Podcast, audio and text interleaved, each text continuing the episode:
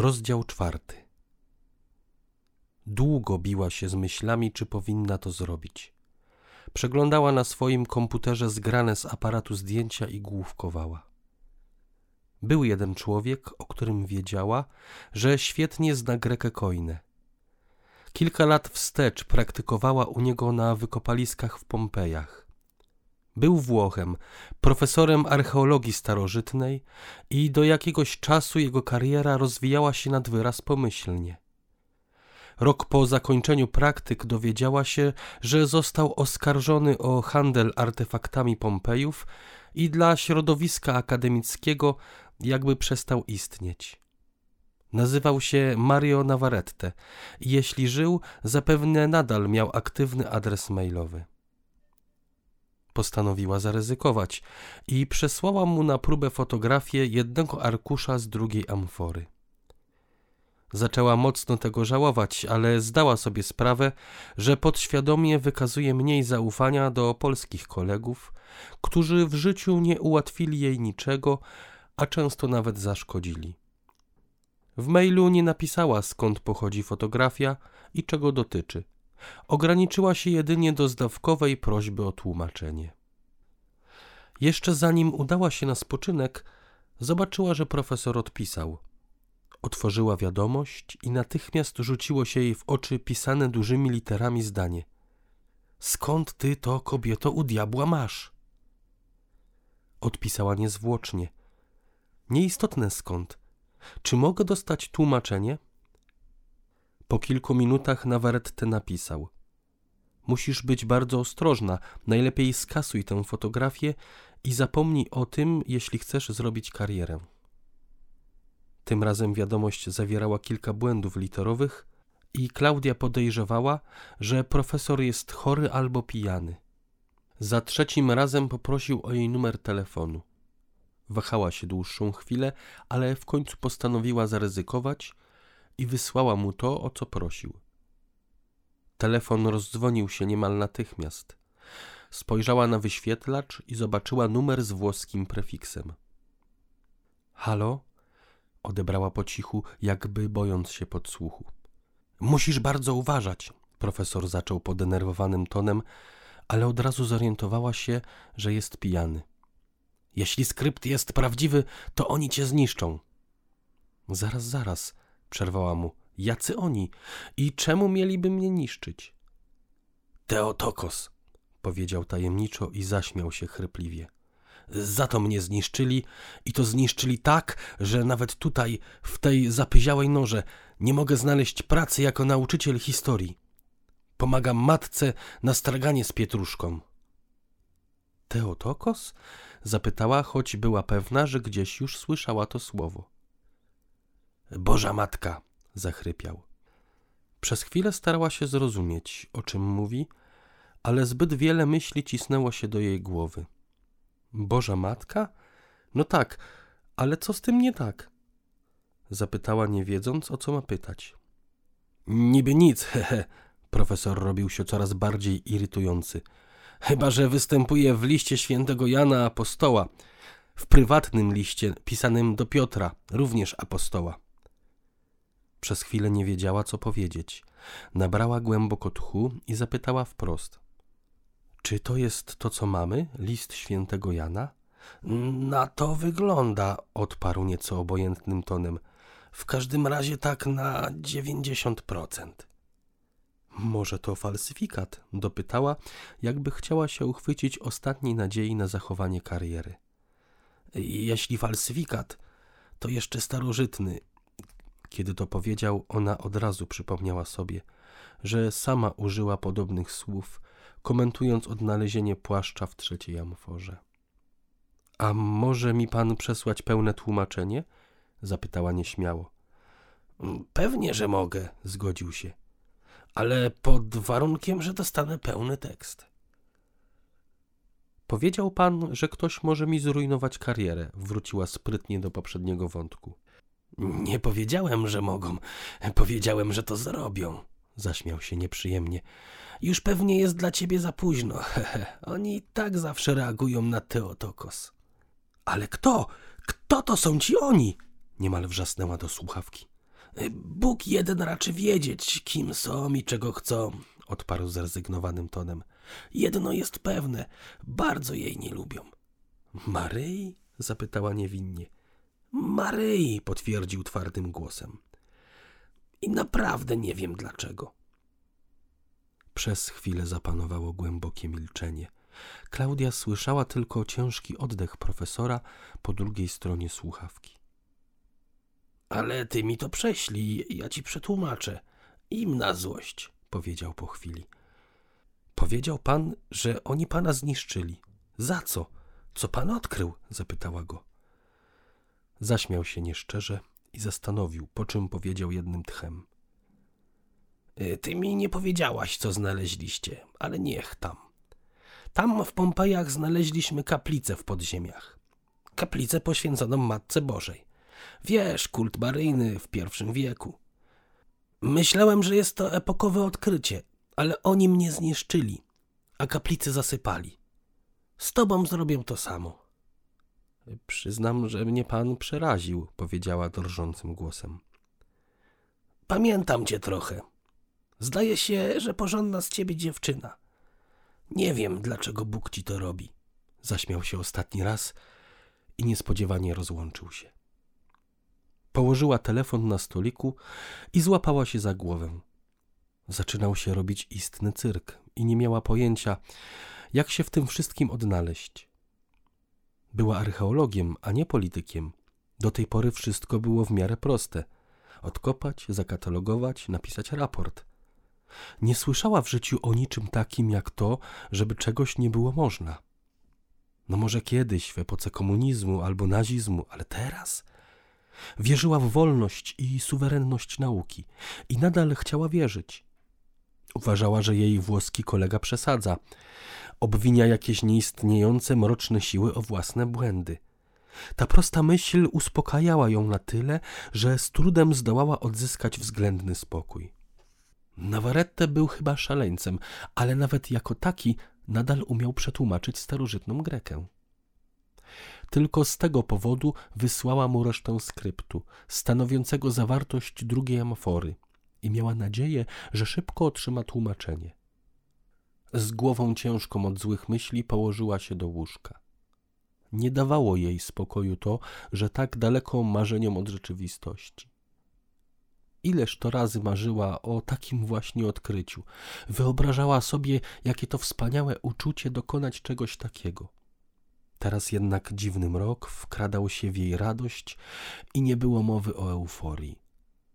Zwykła ostrożna radość, a może nawet mniej, pogrążona w ciężkich myślach, zasnęła. Do południa nad całym terenem wykopalisk rozpięto ogromny namiot. Klaudia nie była przekonana do tego pomysłu. Uważała, że jest to zwyczajny przerost formy nad treścią, robota dla samej roboty. Po zabezpieczeniu tej prowizorycznej budowli, kiedy zamontowano wewnątrz silne oświetlenie i ogrzewanie, musiała jednak przyznać, że tego typu rozwiązanie miało swoje plusy. Czuła się tam jak w dobrze zorganizowanym warsztacie, gdzie wszystkie zmysły mogą być skoncentrowane na właściwej pracy. Skończył się problem z naciekającą do wykopu wodą i jak przypuszczała, następnego dnia ziemia powinna być w miarę sucha i łatwiejsza w obróbce. Cały obraz starożytnego pobojowiska wydawał się teraz być raczej już muzealną rekonstrukcją, dobrze zorganizowaną i widoczną z wielu stron. To wszystko ją ogromnie cieszyło. Martwiła ją tylko zapowiedziana na południe wizyta szefa. Uzgodniona godzina jego przybycia była co najmniej dziwna i wszystko wskazywało raczej, y, że kierownik przybywa z egzekucją, a nie audytem. Co właściwie chciał zobaczyć, przybywając na krótko przed zmrokiem? Domyśliła się, że nie chce niczego oglądać, a raczej przybywa z jakimiś niezbyt dobrymi wieściami. Oczekiwała też na wiadomość od profesora Navarrete. Wiedziała jednak, że tłumaczenie tak obszernego tekstu powinno zająć mu co najmniej kilka dni. Tymczasem wewnątrz namiotu, przy dużym plastikowym stole, przy którym organizowała właśnie mobilny warsztat, złapał ją Mateusz. Nie uwierzysz, jak ci powiem, zaczął lekko zasapany pośpiechem albo podnieceniem. Pewnie oczyściłeś już grzebyki kobiety i znalazłeś tam wygrawerowane imię Magdalena, co zbliża nas do nieuchronnego wniosku, że mamy do czynienia z ciałem Jezusa Chrystusa, który zwiał z krzyża i razem z Magdaleną zamierzał osiąść w urokliwych krzepicach. Niestety wściekli apostołowie wysłali za nimi siepaczy i ci ich dopadli w trakcie rozpakowywania swoich rzeczy, czy tak? Nie zdawała sobie sprawy, że nagromadzone w niej napięcie przeradza się w nerwowy sarkazm. Mateusz patrzył na nią z szeroko otwartymi ustami, jakby zaczynał podejrzewać ją o posiadanie tajemnych mocy. Skąd wiesz? zapytał ją, kiedy lekko ochłonął. Spojrzała na niego jak na idiotę. Co? warknęła. Nie próbuj mi wmówić, że tego typu mamy tu znalezisko. Niezupełnie, pokręcił powoli głową. Niemniej rzeczywiście oczyściłem grzebyki. Nie są to grzebyki w rozumieniu grzebyków, raczej takie spinki do włosów, wsówki. Jednak oczyściłem i znalazłem na nich imię, zapewne tej kobiety. I? Żadna ta Magdalena, machnął ręką. Ciekawostka jest taka, że ta pani była twoją imienniczką. Klaudia? zaśmiała się głośno. Tego jeszcze nie grali. Ano, potaknął. Ale z tym Jezusem poleciałaś za daleko, nawet jak dla mnie. Wiem, usprawiedliwiła się. Co na to Agata? Na co? Na Jezusa? Wydał śmiesznie wargi i powiedział konspiracyjnie. Nawet przy niej tak nie żartuj. Zdaje się, że coś jej się po głowie plącze, ale nie chce się zdradzać. Od wczoraj mnie magluje o to, co znaleźliśmy. A mówiłeś jej o spinkach? A jakże? Spuścił wzrok, jakby czuł się winny. Zdaje się, że ona zawsze czai się przy mojej budce. Nie mogę spokojnie wyjść na zewnątrz, żeby mnie nie przepytała. I co? Co, co? Aha, co robiła na wieść o Klaudii? Zrobiła tak. Mateusz zakrył usta dłonią i palcem wskazującym popukał po swoim nosie w geście zamyślenia. Potem poleciała do swojej budki. Przypuszczam, że myszkuje w książkach albo w internecie. Mateusz oddalił się równie szybko, jak się pojawił. Jego nagła rewelacja bardzo poprawiła jej humor. Musiała także przyznać, że już sam fakt poznania szczątkowej tożsamości kobiety sprawiał, że wracała w nią wiara w sens archeologii. Nic tak nie przywraca człowieczeństwa, jak imię sprawiające, że kubka rozsypujących się kości staje się nieomal żywym, mówiącym człowiekiem. Spojrzała w niebo, jakby chciała zobaczyć gdzieś w błękicie sklepienia cień kobiety, pochylony nad ziemią, w której spoczęły jej doczesne szczątki. Dzień był pogodny i mimo dojmującego zimna zapragnęła pospacerować po lesie. Minęła więc budkę ochroniarza przy bramie i bez większego pośpiechu skierowała się gruntową drogą w stronę pobliskiego lasu. Idąc powoli piaszczystym duktem, zastanawiała się, jak bardzo zmienił się otaczający ją krajobraz od czasu, kiedy w te strony zapuścili się ci nieszczęśni ludzie, co znaleźli tu śmierć. Wolno minęła ostatnie przęsła ogrodzenia i po chwili zewsząd otaczały ją tylko drzewa i gęste krzewy. Z każdym jej krokiem las zdawał się ciemnieć, a pobliskie drzewa wydawały się grubsze i bardziej ponure. Coś zaszczeleściło w pobliskim zagajniku i przystanęła.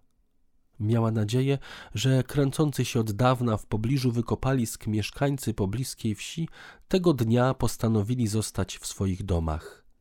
Była pewna, że dochodzące z zagajnika szuranie pochodzi od jakiegoś wijącego gdzieś w pobliżu gniazda ptaka albo małego gryzonia. Szmer powtórzył się i tym razem wiedziała, że hałas pochodzi od znacznie większego stworzenia.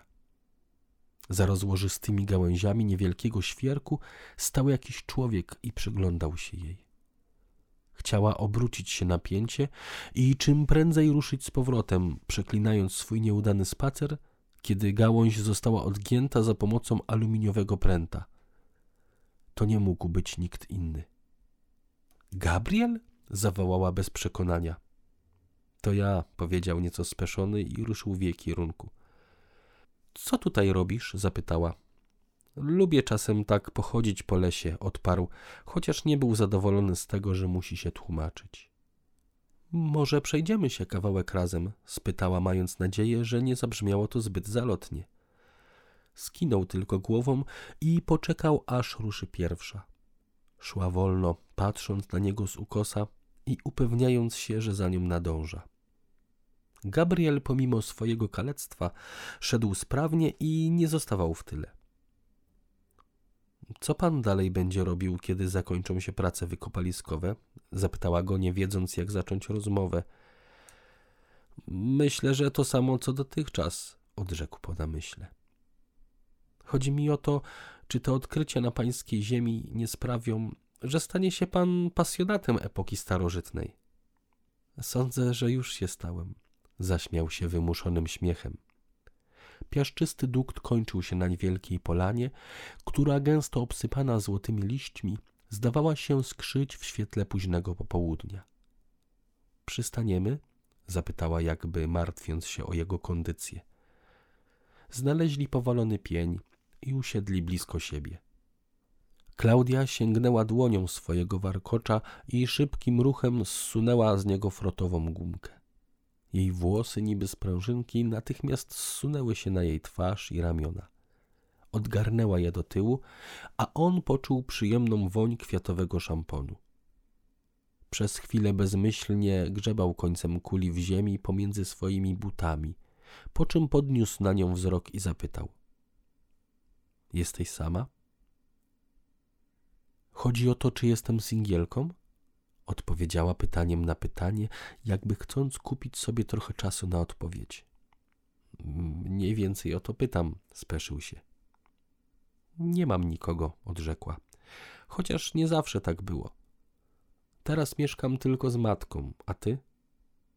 Cóż, wrócił do dłubania kulą w ziemi. Miewałem jakieś tam przelotne związki. Szukam, ale koniec końców też mieszkam tylko z matką. Aha, skinęła głową na znak, że rozumie. Potem znów się nie odzywali przez dłuższy czas. Poprzez trzepoczące się ponad nimi gałęzie przezierały mocne promienie słońca i mogło się wydawać, że to wiosna była nadchodzącą porą roku. W jednym z takich promieni zauważył lśniącą na jej ramieniu pajęczą nić. Machinalnym, nieprzemyślanym ruchem sięgnął dłonią do jej ramienia i starał się złapać wiotką przędzę. Wzdrygnęła się nieco, czując na ramieniu jego dotyk i odwróciła ku niemu zaskoczoną twarz. Ten impuls wystarczył. Nachylił się ku niej mocniej i wargami sięgnął jej ust. Nie spłoszyła się. Jej usta były miękkie i delikatne, a kiedy przywarł do nich mocniej, poruszyły się namiętnie, jakby szukając jak najpełniejszego kontaktu. Pocałunek zdawał się trwać wieki. Wpijali się w siebie nawzajem, jakby nie chcąc, aby nastała ta chwila, kiedy będą musieli spojrzeć sobie w oczy.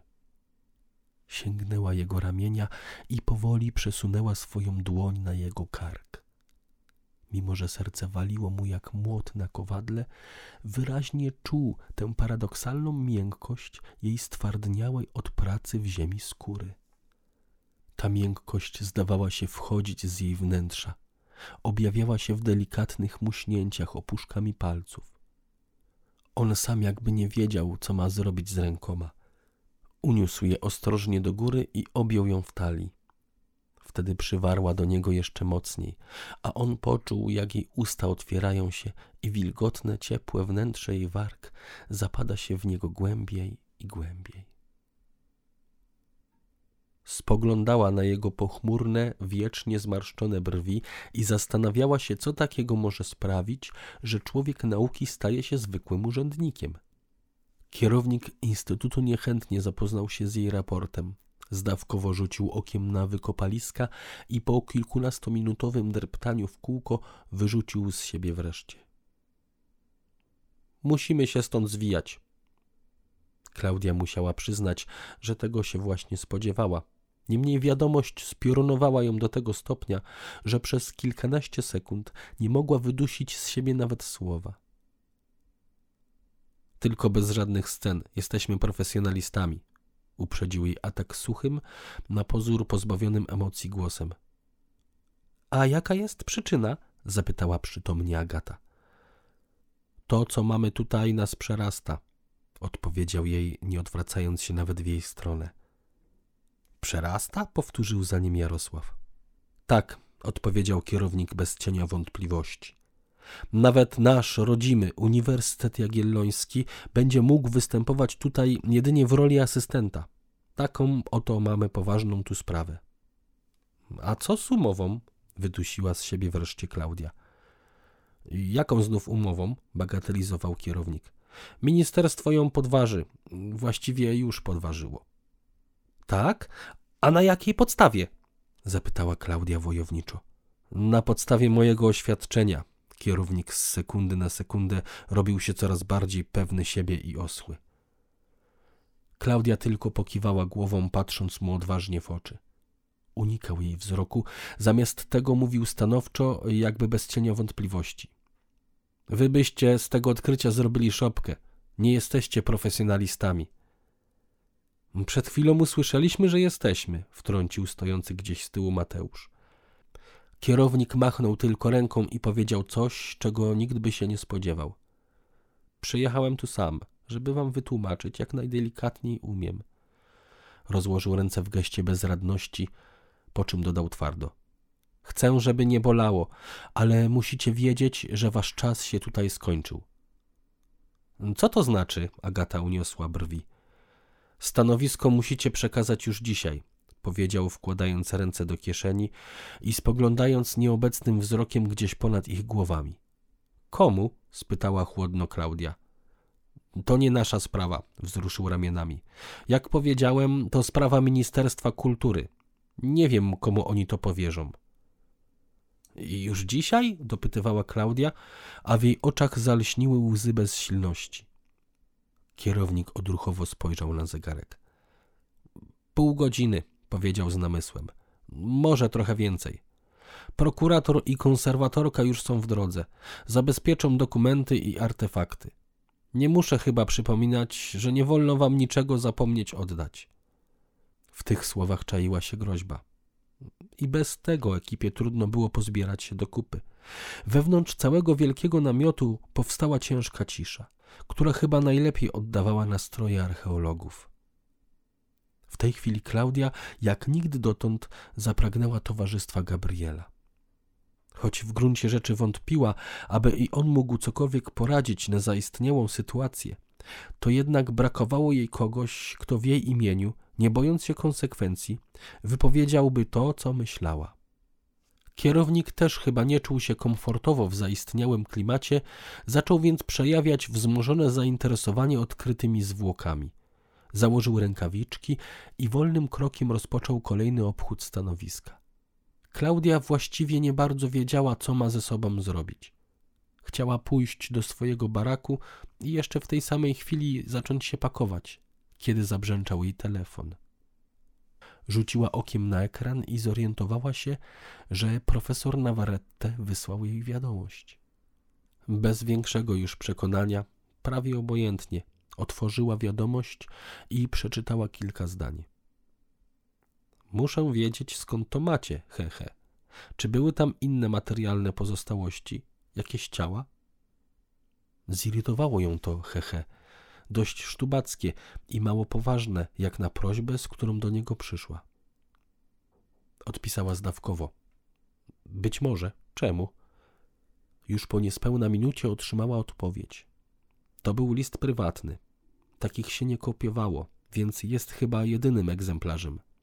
Na końcu pada informacja, komu list ten zostaje powierzony.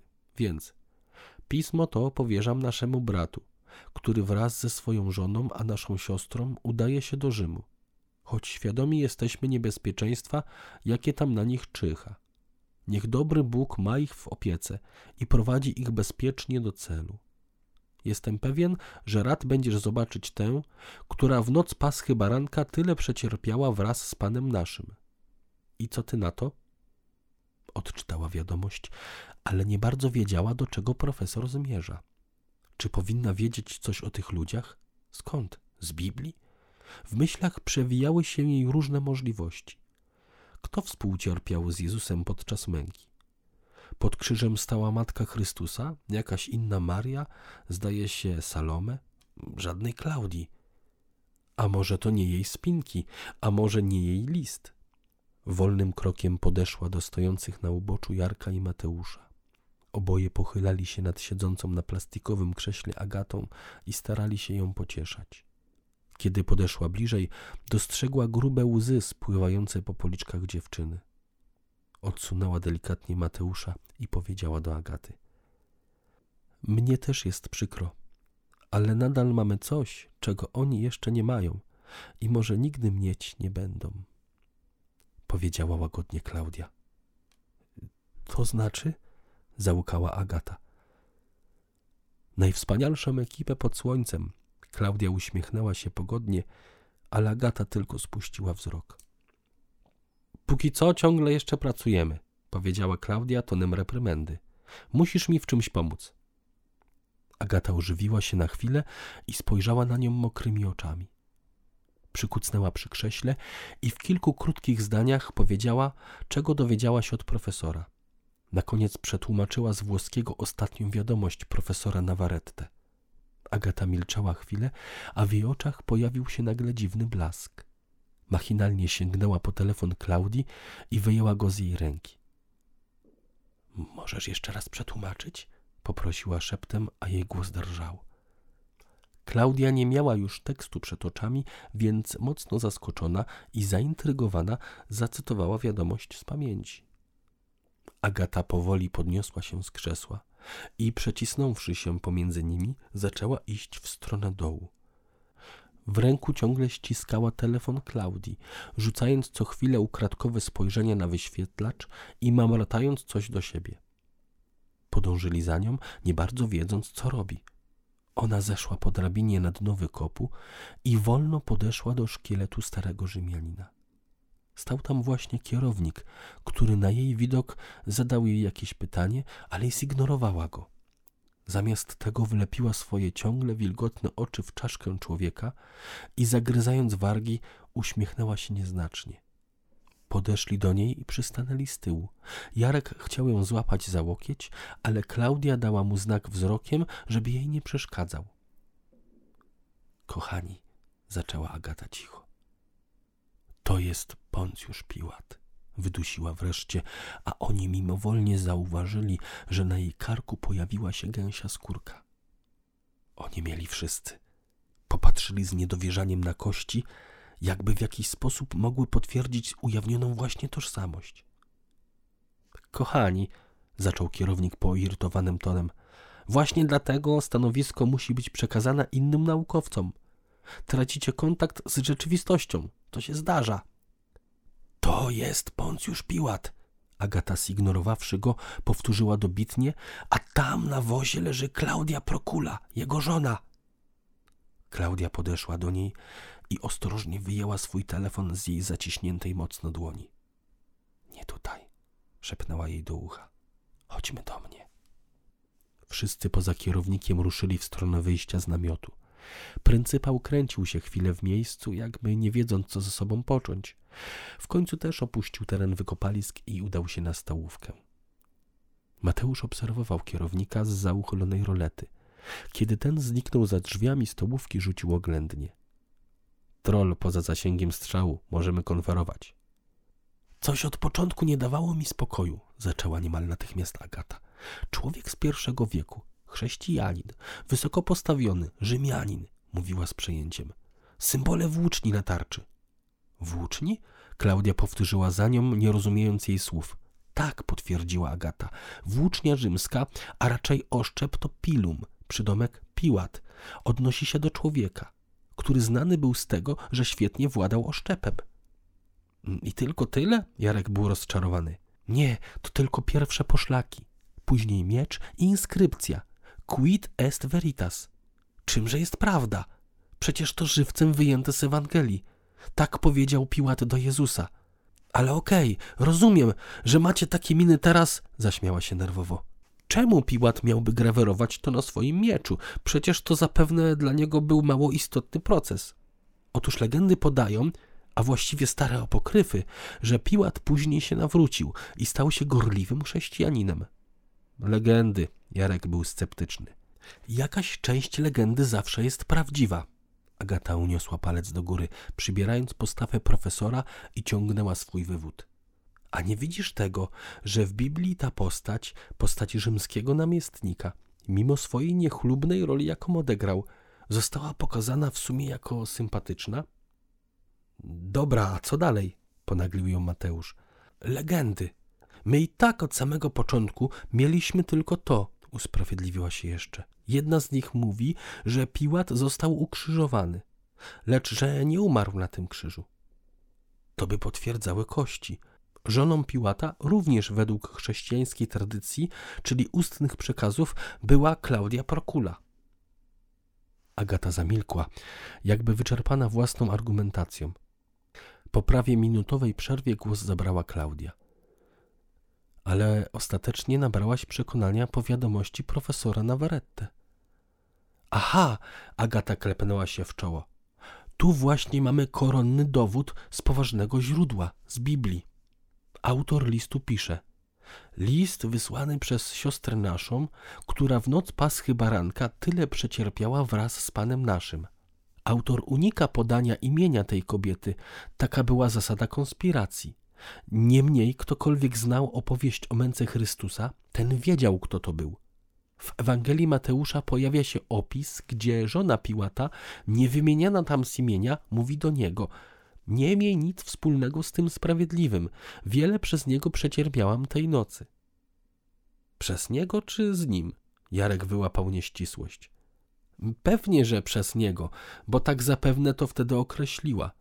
Chodzi raczej o to, że już później, po przystąpieniu do zboru chrześcijan, nie wypadało tego w ten sposób nazywać. Nie wiem, Mateusz był sceptyczny. Jak dla mnie za mało tu dowodów, same poszlaki. Tak, Agata uniosła się, ale byłbyś skłonny uwierzyć, że jeden ze skryptów to oryginalny list świętego Jana. Cóż więc byłoby dziwnego w tym, że Jan dał list Piłatowi i jego żonie? Ale kto ich zabił i dlaczego w taki sposób? Dociekał nerwowo Mateusz. W jaki? zdziwiła się Klaudia. Coś tu się kupy nie trzyma. Piegowaty student wolno pokręcił głową i rzekł z namysłem. Przecież nie znaleźliśmy żadnej monety, w sumie żadnych kosztowności, ani cennych rzeczy, które są, jakby to powiedzieć, bezimienne. Co masz na myśli? zapytała go Agata. Wszystko, co znaleźliśmy, można by powiązać jakoś z tymi osobami, przynajmniej chyba w tamtym czasie. Miecz z inskrypcją na przykład. Ktokolwiek by go zabrał, mógłby zostać zapytany, skąd to wziął i że jest to przecież miecz tego a tego człowieka. Piłata, upierała się Agata. Na razie przyjmijmy, że Iksińskiego, Mateusz machnął ręką. Do czego zmierzasz? zapytała Klaudia.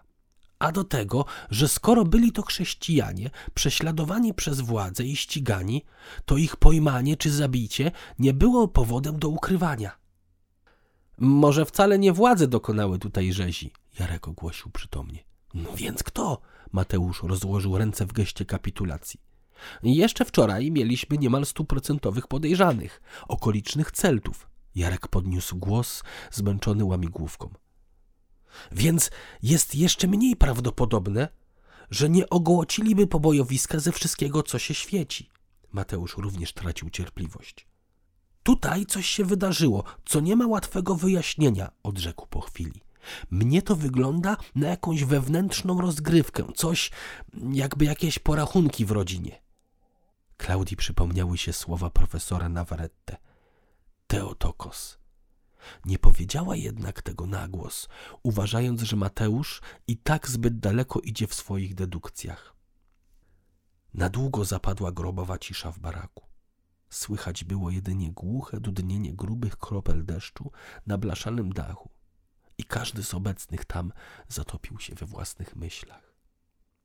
Klaudia popatrzyła na niego z okna swojego baraku. Szykowała się właśnie, żeby do nich wyjść, coś jednak ją powstrzymało. Widziała ich wyraźnie. Z odległości kilkunastu kroków mogła policzyć wszystkie żyły i drobne naczynka, które nagle ukazały się na szyi Gabriela. Stał tam razem z prokuratorem i kierownikiem instytutu. Ściskał w pobielałej dłoni kartkę papieru i z zaciśniętą szczęką mierzył ich dzikim wzrokiem. Tak musi wyglądać człowiek przegrany, pomyślała, ale zaraz uświadomiła sobie, że wszyscy oni przegrali w równym stopniu. Nie mieli prawa wygrać tej wojny, nie z tymi ludźmi, z tą siłą. Zastanawiała się, co mu powiedzieć, jak się wytłumaczyć, jak pocieszyć. Rozejrzyj się, szatan zwyciężył.